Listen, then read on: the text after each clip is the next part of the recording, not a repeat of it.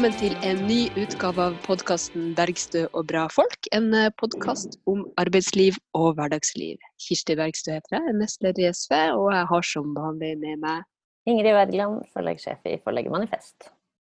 Hyggelig. Hei. Jeg er fremdeles i Finnmark, og du er fremdeles i I Oslo. Det er det. Og mens eh, fuglene kvitrer der du er, og det gjør de her òg, eh, så eh, smelter sneen sakte, men sikkert utenfor min dør. Men vi har jo ikke podd for å snakke om været, det kan man dra andre steder for å høre om. Vi skal snakke om eh, eh, hvordan eh, det går med velferden, med kommunene, med lokalsamfunnene, når eh, veldig mye har vært stengt ned, eh, og når eh, kommunene har opplevd å tape veldig store inntekter. Eh, og da har vi med en eh, veldig flott gjest i dag, eh, som skal dele erfaringer fra sitt virke som tillitsvalgt i Trondheim.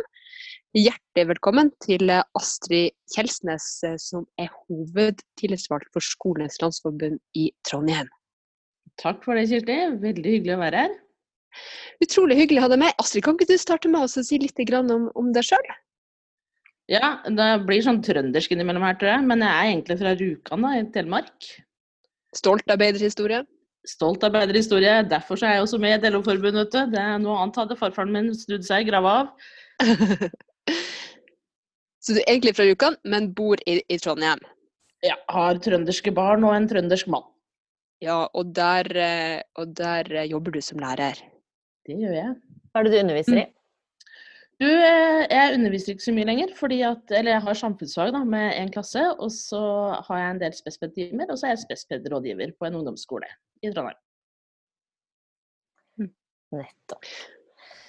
Og fortell, hvordan, eh, hvordan eh, har det vært eh, å, oppleve koronaen som, som lærer? Du, det har vært eh, å snu 180 grader på kommando. eh, Og lærere er jo sånne fleksible mennesker, så det gjør vi. Får beskjed på en torsdag om å stenge ned skolen. Og så, ja, I Trondheim kommune så fikk vi beskjed om å komme på jobb på fredag. altså Der ble det jo litt sånn eh, gnissel, og jeg måtte ut i avisa og si bra til kommuneledelsen at vi har jo fått beskjed om å være hjemme. Og på mandag så var vi klar med hjemmeskole, og det tror jeg de fleste foreldre har opplevd at, eh, at det var mye arbeid som ble gjort den helga. Eller de så vel ikke den jobben, men de så resultatet da på mandag. Og klar for hjemmeskole. Fordi at Nå snakker du om helt i starten, når man stengte Mm. ned. Så fikk man beskjed først om å være eh, hjemme og likevel på jobb.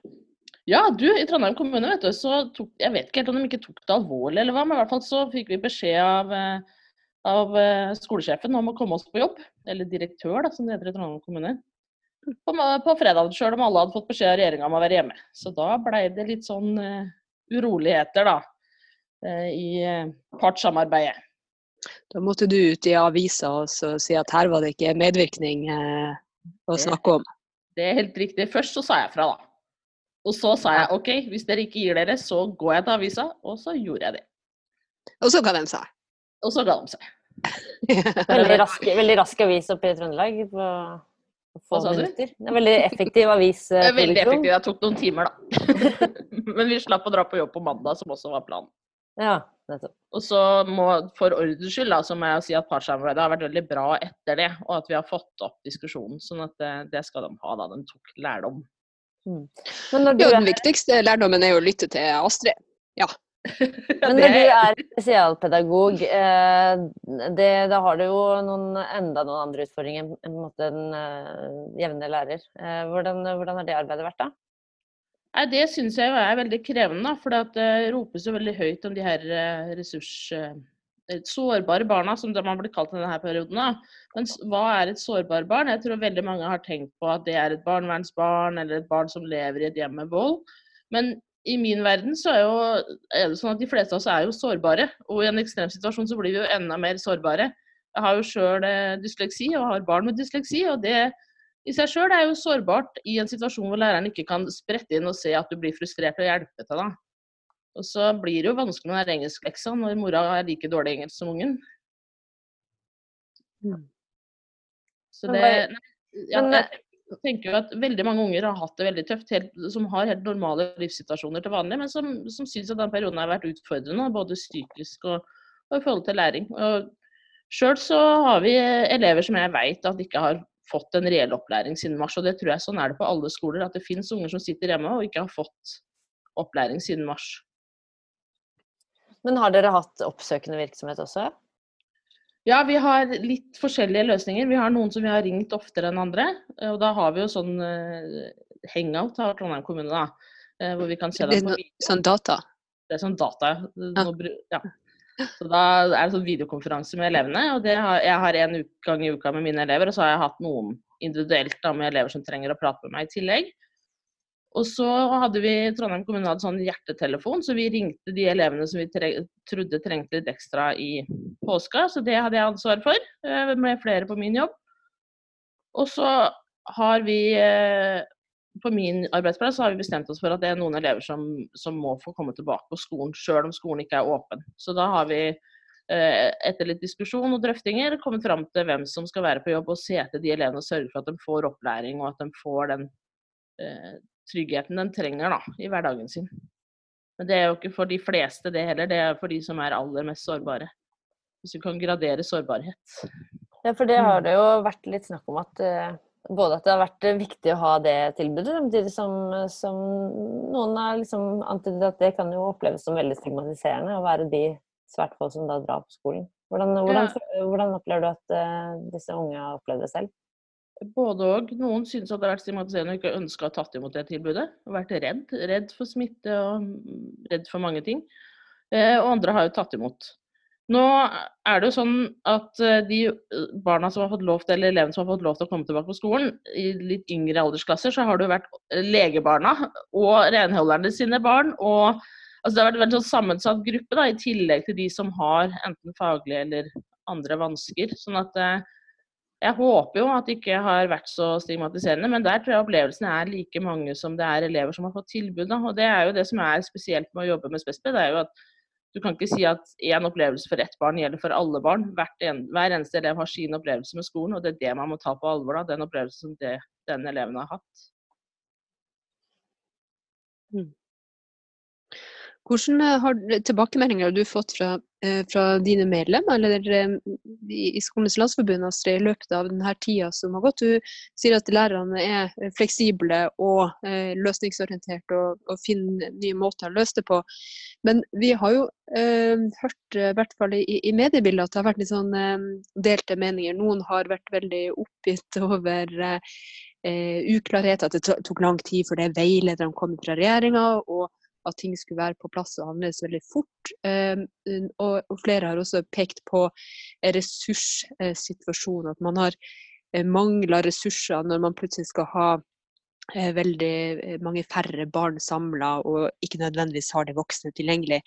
Så hvordan med, tilbakemeldinger har du fått fra, fra medlemmene i, i Trondheim, og, og, hva tenker du rundt denne situasjonen?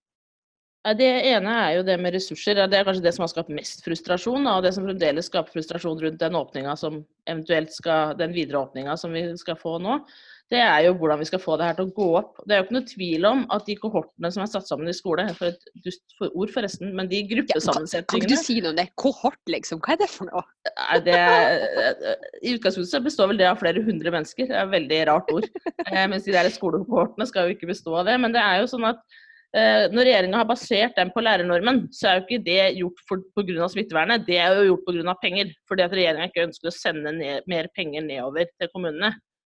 Og det oppleves jo nå som om man har veldig veldig få ressurser, og at man skal liksom strekke de enda tynnere nå. Og det som er situasjonen er at Hadde vi hatt mye ressurser fra før, så hadde det vært lett å smøre ressursene utover brødskiva. Men når du i utgangspunktet ikke har noen ressurser fra før, fordi alt er kappa, alt er skjært til beinet. I Trondheim kommune f.eks. så har vi kutta i spespeden, og det vet jeg at de har gjort i mange andre kommuner òg, etter ideer fra, eh, fra Thomas Nordahl.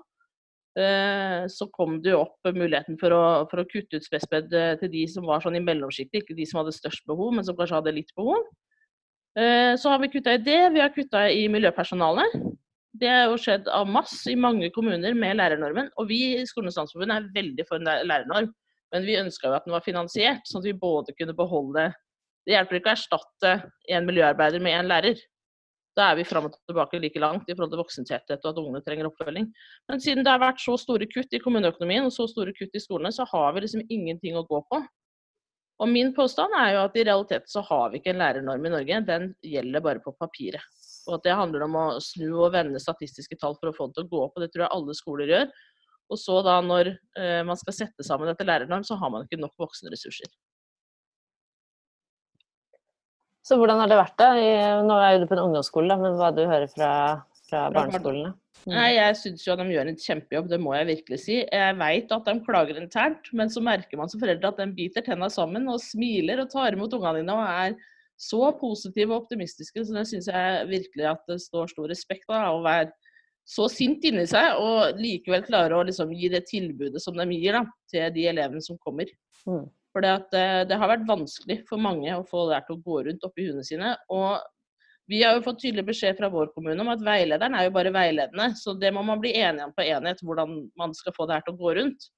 Og når man da vet at budsjettet ikke går opp, så fører det til f.eks. på en skole her i Trondheim, så har man da flytta eh, lærere fra hjemmeskolen til de elevene som er på skolen. Og da mener jeg at vi bryter opplæringsloven, for da er det jo no, de elevene som har hjemmeskole, får da ikke tilgang på lærer fordi at de skal være vikarer Eh, de, eh, blant de elevene som er på skolen, hvis det blir fravær. Fordi i Trondheim kommune og mange kommuner så har vi jo kutta vikarbudsjettet helt. Mm. Fordi kommuneøkonomien er så stram. Mm. Men det høres jo eh, veldig merkelig ut, fordi da blir jo noen sittende uten undervisning eller lærer. Og vi har jo hørt, eller sett tall på at veldig mange Eh, ikke har hatt kontakt med lærer og ikke har hatt eh, den tilfredsstillende eh, oppfølginga som, som, man kanskje kunne vente eller ønske. Til tross for at sikkert mange prøver virkelig å gjøre sitt aller beste. Ja, så, sånn, Det er jo veldig trist at vi er i en situasjon hvor, ingen, hvor høyresida ikke har lyst til å ta vare på velferdsstaten. Da. Vi som jobber der, vi, sta, vi skal løpe stadig fortere og hjelpe stadig færre, pleier jeg å si. Eh, altså Vi skal løpe fortere og fortere, og da skal, må vi hjelpe færre og færre. Det vi vanligvis gjør vet du, Kirstin, når vi ikke får lov til å ha inn vikarer, er at vi har større grupper på én lærer. Mm. Sånn at eh, Hvis man vanligvis f.eks. har 25 elever, da, og den personen i naborommet er borte, så har du plutselig ansvar for 50 elever når det er vikarstopp. Gjør man det, altså? Det gjør man over en lav sko, og det tror jeg skjer over hele landet. Det er sånn at eh, vi lærere vi, vi, skjuler at velferdsstaten ikke fungerer, fordi at vi sier ikke ifra. Vi biter tenna sammen, og så gjør vi jobben vår. Og så prøver vi å gjøre det beste ut av det for, eh, for de ungene som er der. Og jeg har sjøl opplevd det med egne unger, at eh, lærere har vært sykemeldt i over et halvår uten at det har blitt satt inn vikar. Altså at det bare er tilfeldig hvem som er i ja, eller at man har større grupper. da. At det er uh, kjente voksne, men, men, det er store grupper. og Det betyr jo at de sårbare barna som alle hyler om nå, og som jeg har vært bekymra for i mange år, dem, dem, har jo gått for lut og kaldt vann lenge. Men jo... da blir jo Unnskyld, Ingrid, jeg mente ikke å avbryte. Det går bra. Nå, Kirsti, Kirsti, skal jeg ta det? Nei, jeg bare tenker tilbake til det med, med lærernormen eh, og eh, ideen om den. fordi hvis det er tilfellet Eh, på, eh, på skolene. At man sitter med, med 50 unger eh, på én lærer. Da, da, blir det jo bare ord på et papir. Det er det som er mitt poeng, er at vi allerede har skåret så mye i velferdsstaten. Og velferdsstaten er jo kommuneøkonomi, sant? for det er jo kommunene som driver velferden. Så hvis du kutter i penger til kommunene, så kutter du egentlig velferdsstaten. Så det å snakke om noe så kjedelig som kommuneøkonomi handler jo egentlig om å mm. forsvare velferdsstaten. sant? Men når du kutter i det, så må det kuttes et sted. Da. Og så sitter enhetslederen og klør seg i hodet og lurer på hvordan de skal gjøre det. Så sitter kommunedirektøren og lurer på hvordan de skal gjøre det. Og dem, Trondheim kommune har, har veldig ofte hatt de her ostehøvelkutta, som gjør at det er litt på alle. Og så sitter vi som er på gulvet da, nederst igjen og prøver å ta oss av, av de ungene som er der.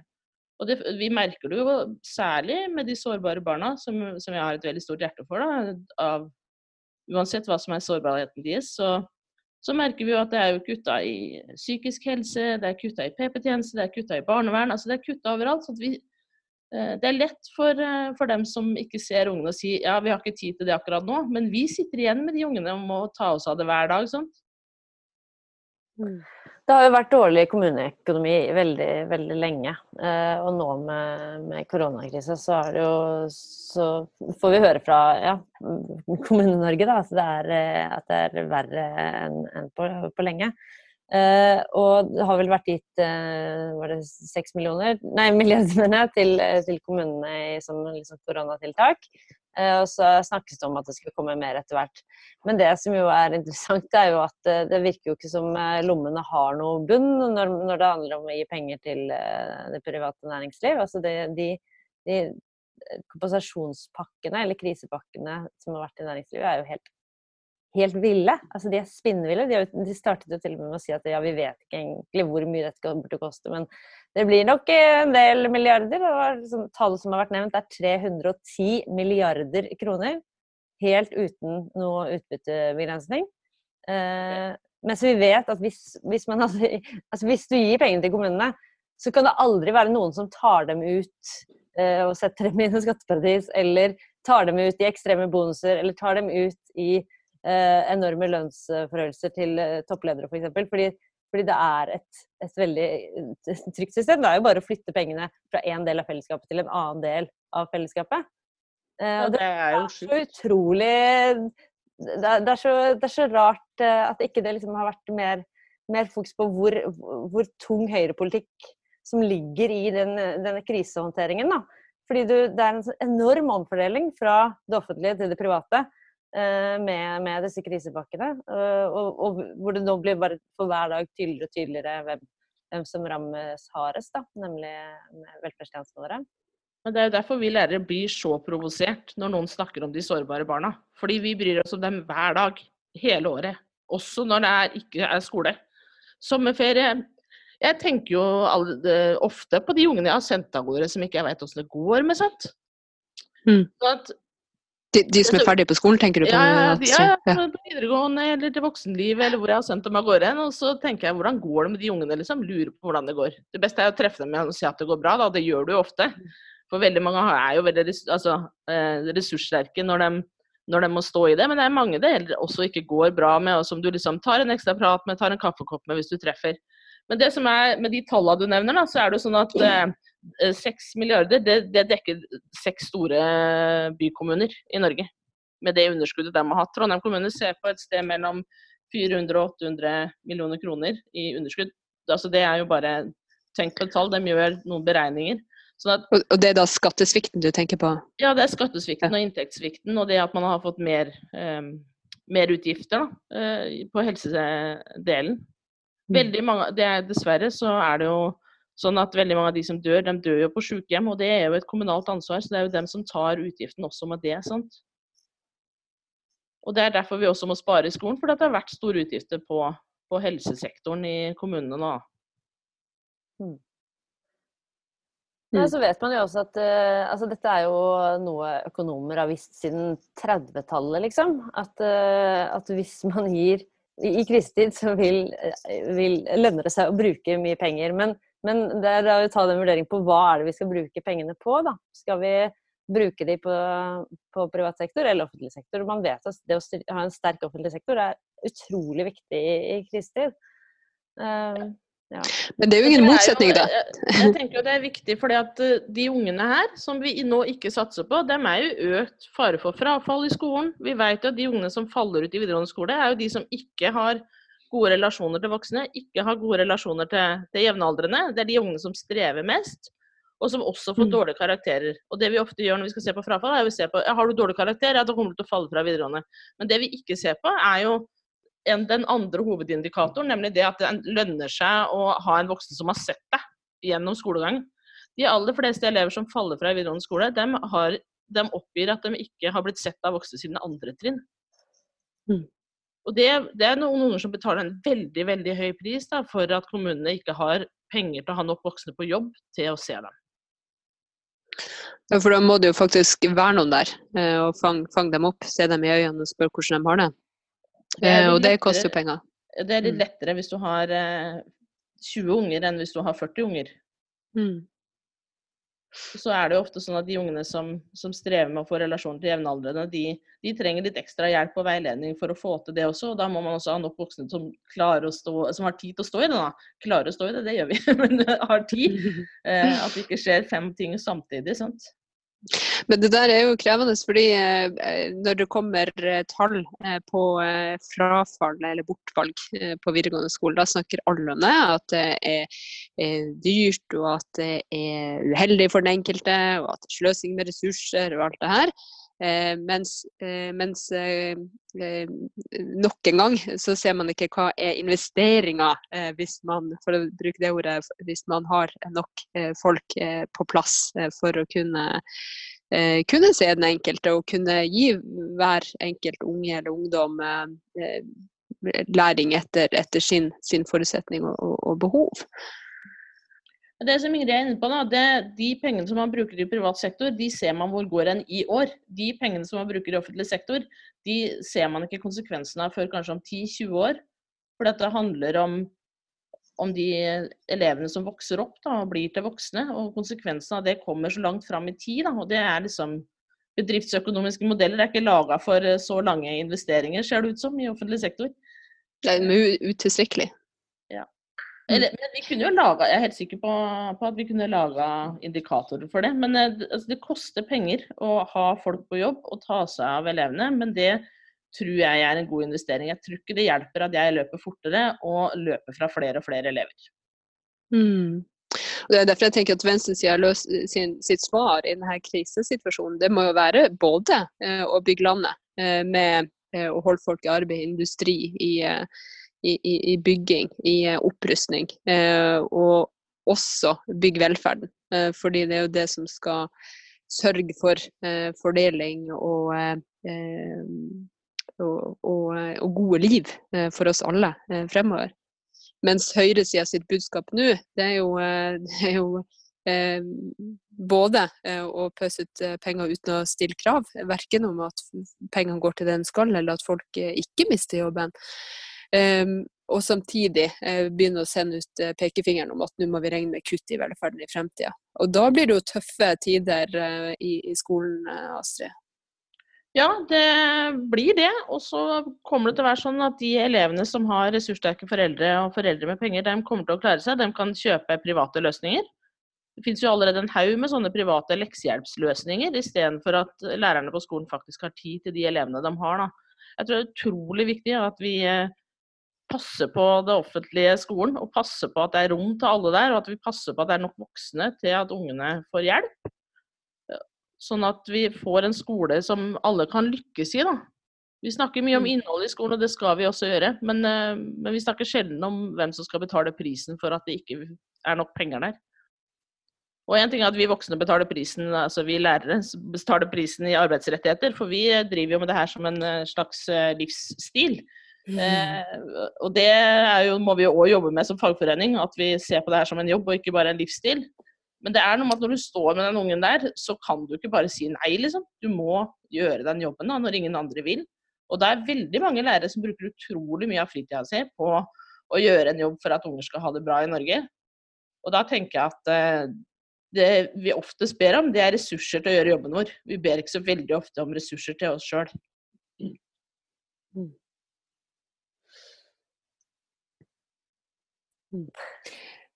Ja, det er, det er, sterke ord. Det er sterke ord, det, Astrid. Um, så absolutt. Kan jeg bare spørre, Nå er vi jo i en liksom unntakssituasjon, en krisesituasjon. Eh, sånn, I ditt virke som, som tillitsvalgt til vanlig, hvilke utfordringer er dere står i da? Da diskuterer vi arbeidstidsavtaler, f.eks. Det er jo noen i Kommunenes Sentralforbund som tror at uh, at vi lærere jobber bedre hvis vi bare er sammen med elevene hele tida. Og den mm. diskusjonen, altså apropos det at høyresida bruker denne krisa til å kjøre høyrepolitikk, så har jo den diskusjonen også stått nå i den krisa. At nå må vi regne med at ikke vi får så mye planleggingstid. Det kom jo første gang når barnehagene skulle åpne igjen, og det har kommet eh, nå når skolene skal åpne igjen, at vi lærere må lempe litt på den planleggingstida vår. Og da viser man veldig liten forståelse for at, for at den gruppa skal fungere, den som jeg skal være sammen med, så trenger jeg planlegge et opplegg som fungerer. Ellers så blir det jo mm. vilt kaos. Jeg er sikker på at de fleste der ute har prøvd å ha sånn barnebursdag uten plan. Det blir jo vilt kaos. Eh, sånn at man, jo villere unger du har, og det sier jeg med all mulig kjærlighet, jo mer plan og bedre plan må du ha. Og du gjerne så må du ha plan både A, B og C og D og E og F. De ser liksom for seg at man skal drive og planlegge mens man underviser, da, eller? Nei, de ser vel for seg at lærere skal gjøre det de pleier å gjøre, bruke fritida si og kveldene sine på å planlegge. Da. Altså Hvis du tar bort plantida, så Jeg går ikke inn i et klasserom uten å ha et opplegg klart. Altså uten å ha en tanke om hva jeg skal gjøre. Og da bruker jeg fritida mi, da. Mm. Men, men eh, dette her er jo eh, Når du sier at dette er eh, forslag som har kommet nå, bare helt i det siste Dette er jo avtaler dere har. Dette, dette er jo- står jo vel i tariffavtaler og sånne ting. Det er jo ikke noe som er Ja, sånn Arbeidstidsavtalen gjelder jo, sjøl om det Ja. er en koronakrise. Men vi blir Ja. på en måte bedt om å lukke øya for den. da. Ja, Sånn, ja. ja. Ja, sant? Og så vet vi jo at den streiken som vi hadde for noen år siden, handla jo nettopp om det. At lærere ønska tid til å planlegge. Ja. Og det handler jo, altså Når vi ønsker tid til å planlegge, så er det jo fordi at vi ønsker å gi et godt pedagogisk tilbud til elevene. Det, er- ja. Det handler jo om at eh, de ungene som er der ute i skolen, skal få den hjelpa og den oppfølginga de trenger. Mm. Kan ikke du si litt om denne, Astrid? Den streiken som var for noen år tilbake. Det er ikke sikkert alle husker den? Nei, det er sikkert noen som har glemt det, men eh, da var det sånn at ledelsen i Utdanningsforbundet, da, fikk jeg slengt den skoen av gårde òg, den bestemte seg for å godta eh, KS sitt forslag om eh, mindre planleggingstid, hvis jeg skal si det sånn, på litt sånn vanlig språk. Um, og det syns jo ikke vi i SL var noe særlig, sånn at vi laga en kampanje for å beholde den planleggingstida vi har, sånn at vi har tid til å både planlegge og være sammen med ungene i arbeidstida vår. Eh, og så bestemte medlemmene seg i Utdanningsforbundet at de var enige med SL, og så ble det en stor streik, eh, hvor vi streika for å beholde den arbeidstidsavtalen vi har da. Og det går jo ut på at vi har forberedelsestid og etterarbeid til timene våre. Så det var en streik for å beholde det man hadde fremforhandla tidligere, og, Mm. ikke miste muligheten til å ha eh, godt planlagt undervisning. Og det, vi ser jo at De har jo gjort det i Danmark, og der bruker jo veldig mange lærere fritida si. Nettopp, og Det og advarer jo sterkt om at vi, må, at vi ikke må gå inn på sånne avtaler. Men det er små stikk mot det hele tida. Senest når vi skulle ha en ny arbeidstidsavtale her for en liten tid tilbake i Trondheim kommune, så lurer jeg på om ikke vi kan gi opp én time planleggingstid, sånn at vi har mer fellestid. Så det er hele tida små liksom, skritt da, mot at vi skal gi opp planleggingstida vår for at vi skal i anførselstegn samarbeide mer. For vi lærere vi samarbeider som kjent ikke. Eh, I hvert fall ifølge arbeidsgiver. Så bra. Ehm, men eh, så da er det kampen om rett og slett å få gjort jobben sin, eh, få planlagt det du skal gjøre i lag med, med, med ungene, eh, som, er, som er fremst i ditt virke som, som tillitsvalgt. Ja, Og i er deres, det, forbund. Ja, ja, ofte så er det det. Lønnskamp er jo selvfølgelig også viktig. Vi ønsker jo ikke å havne bakpå. Men Mm. ofte så opplever jeg at det er noe med å få verden til å forstå hvordan det er å være lærer, da. Eh, At ikke det bare er lange ferier, men at det ikke bare faktisk lange er ferier, eller som jeg nøye pleier å si, avspasering. Ja, nei. Mm. Eh, utrolig godt på den eh, sommerferien, jeg skal jo innrømme det. Men eh, samtidig så betyr det at jeg jobber lengre uker enn alle andre. Eh, sant? Hver eneste uke. Sånn at jeg tror at det er mange lærere som trenger den sommerferien. Og de feriene imellom, de trenger vi for å hente oss inn. for å rette prøver og innleveringer og, og planlegge neste halvår. Jeg tror nesten ikke jeg vet om en lærer som, som har fri når det er fri i skoleåret. Sommerferien nei, da er det et tidspunkt for å, for å koble hodet helt av. Men jeg tenker sånn, man, Når man tenker på planlegging av undervisning, så tenker mange sånn Ja, men det er jo lett det. Hvis du har to klasser i norsk, så er det bare å planlegge samme opplegget. Og så kjører du bare to ganger. Det er jo ikke sånn, for to klasser i norsk er jo helt forskjellige. Og innafor den klassen så skal du drive med tilpassa opplæring. Det betyr at lille Kari hun må få en oppgave med litt mindre lesing. Lille Ole han har kanskje ADHD og må få spørsmåla i eh, de typer spørsmål istedenfor den lange teksten. Altså det er utrolig mange sånne tilpasninger som skjer hele tida. Og så må man tenke på at eh, at en elev kanskje hører litt dårlig, og så må man tenke på at eh, en elev kanskje har autismespekter. og så er veldig mange sånne ting som vi skal ha i normalskolen, men det krever at man planlegger flere opplegg parallelt da, for elevene. Og tenker hva kan denne klassen tåle. Og det som klasse A tåler, det tåler kanskje ikke klasse B. Nå må man gjøre et annet opplegg. Så det, det krever, eh, krever, tid å planlegge gode opplegg eh, og få det til å fungere. Ja, og da må jeg nesten stille et eh, Kall det gjerne et ledende spørsmål. Men jeg bare tenker at når vi hører på utfordringene som er i skolen, hvorfor er det ekstra viktig å være organisert? fordi det er jo nettopp gjennom fagforeningene at vi tar vare på demokratiet i arbeidslivet. Og det har jo vist seg veldig godt under koronaen nå at når det ikke var drøftinger, så gjør arbeidsgiver unnskyld uttrykket, jævlig mye dumt. Eh, og er veldig rask på, på, avtrekkeren på hvordan vi skal løse ting. Men idet man får gode drøftinger, så, så, ser vi flere problemer. Da, for det er vi som kjenner på dem. Sant? vi som er det jeg kaller på gulvet i skolen. Da. Eh, vi kjenner på problemer som kan oppstå. så Idet man har faktisk drøfta med, med, organisasjonene, så får man også input på mulige løsninger. Da. Så jeg tror bare at den diskusjonen mellom arbeidstaker og arbeidsgiver faktisk gir de beste løsningene. Og så tror jeg at det er viktig å være organisert i skolen, fordi at lærere er jo en yrkesgruppe som, hvor det er små lønnsforskjeller. Og det er jo nettopp fordi at mange er organisert, og fordi at vi har et lønnssystem som baserer seg veldig på hvor lenge har du jobba, hvor mye kompetanse har du, osv. Så videre, og så sånn at jeg tror at det å være organisert gjør noe med hvordan vi fungerer da, som, som lærere. Det lønnssystemet du beskriver nå, fremstår jo liksom veldig ryddig og rettferdig og greit, men det er jo stadig, stadig under press.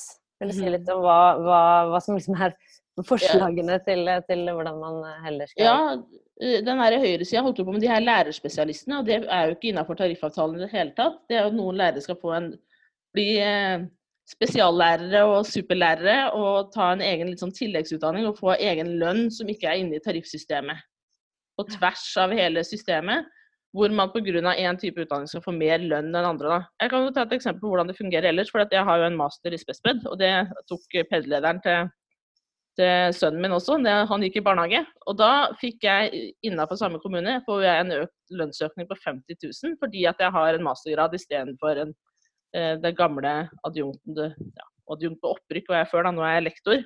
Og da får jeg 50 000, mens den PED-lederen til sønnen min hun får 20 000.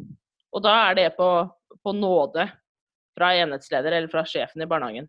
For det må man ikke gi ut hvis ikke man har behov for det. Mens i læreryrket så må du få det uansett. Har du kompetansen, så skal du ha lønna.